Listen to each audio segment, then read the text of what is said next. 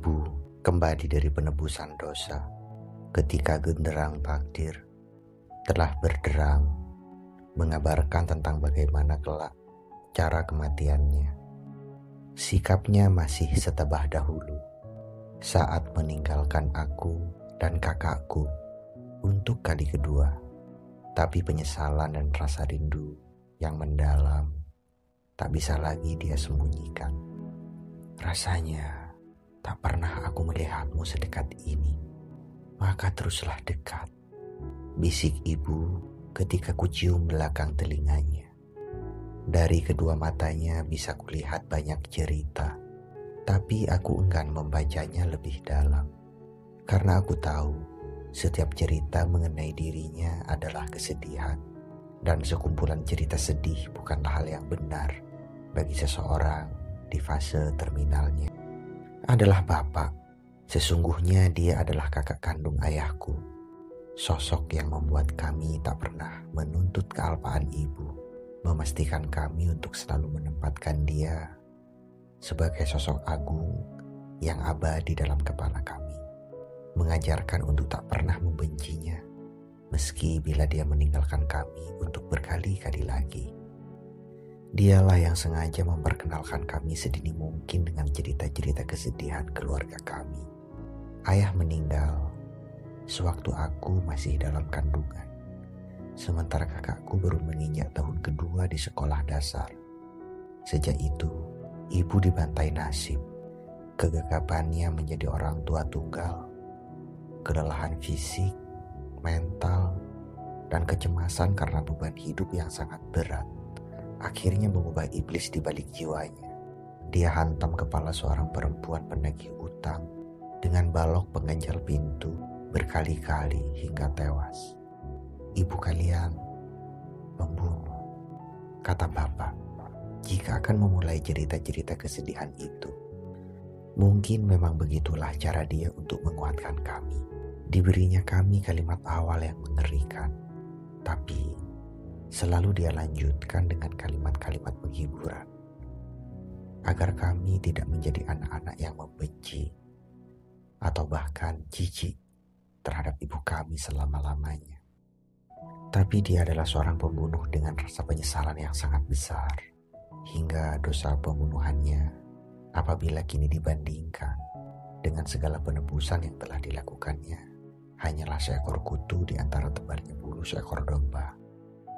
Atau jika Bapak tengah memarahi kami, mengingat ibu kalian adalah seorang pembunuh, aku bisa memaklumi dosa yang kalian bikin. Tapi apa kalian bisa bertobat seperti dia?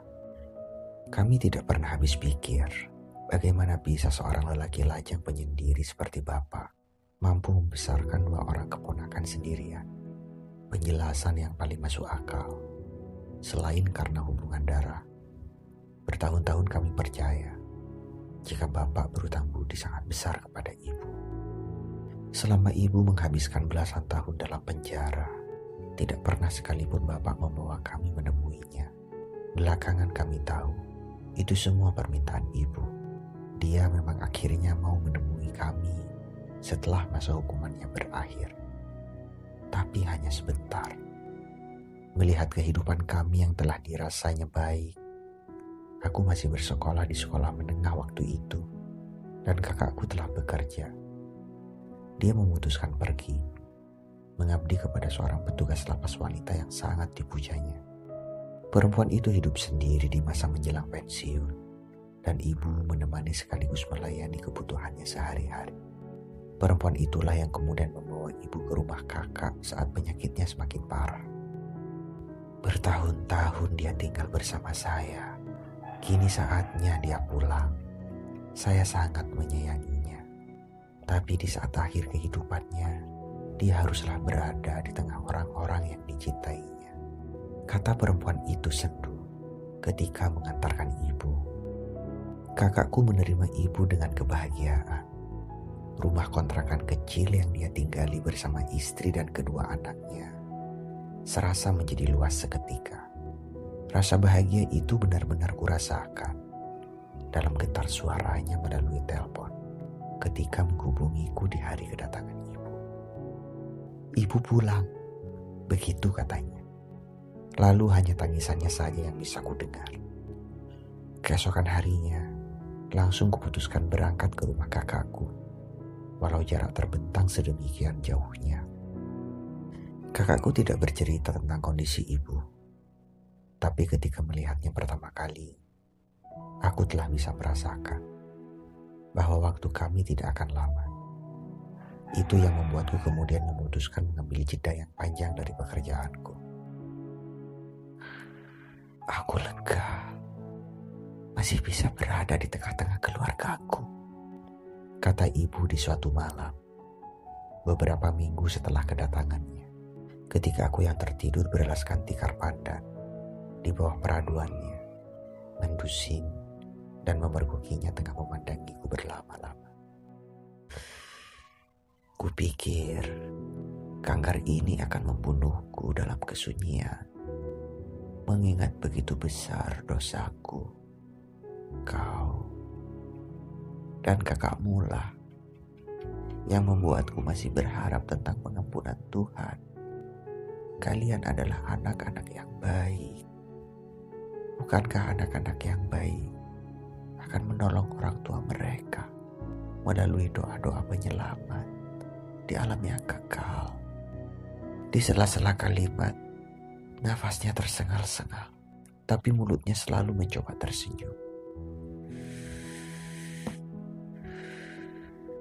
Aku mengejar penebusan dosa selama hidupku.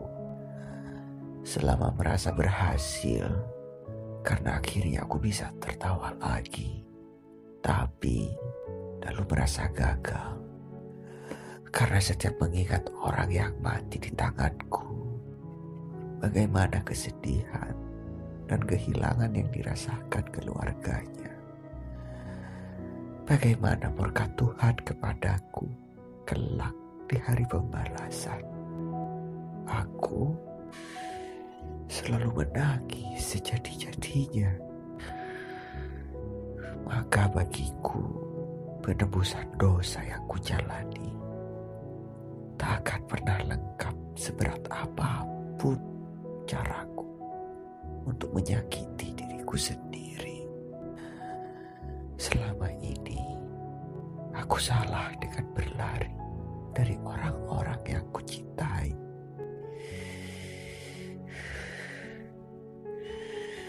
Kini aku sadar, justru kalianlah pelengkap penebusan dosaku. Maafkan ibu.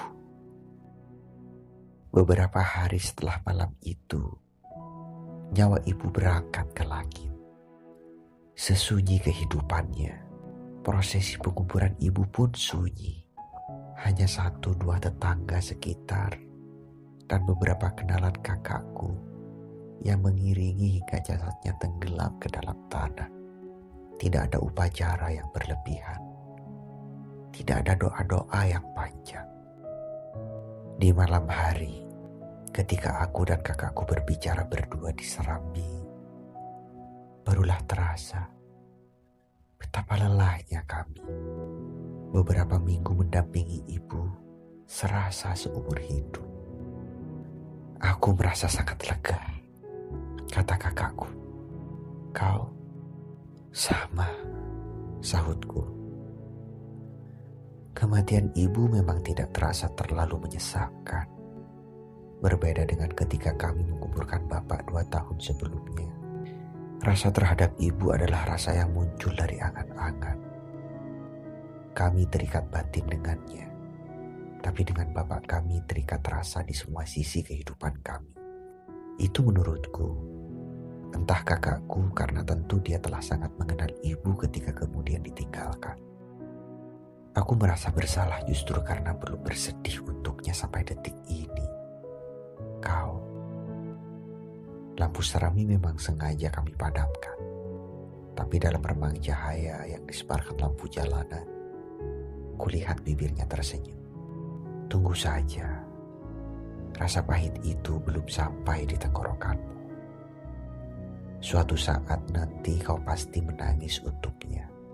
Kata-katanya mungkin benar, tapi sama sekali tak terpikirkan olehku tentang kesedihan yang akan bisa membuatku menangis meraung-raung, seperti di hari kematian Bapak. Sudahlah, kenapa kita tidak mengobrol hal-hal biasa saja dan bersantai? Beberapa hari lagi kau akan kembali ke kotamu dan entah berapa lama sebelum kita bisa bertemu lagi. Dia lalu menyandarkan tubuhnya dengan santai ke belakang.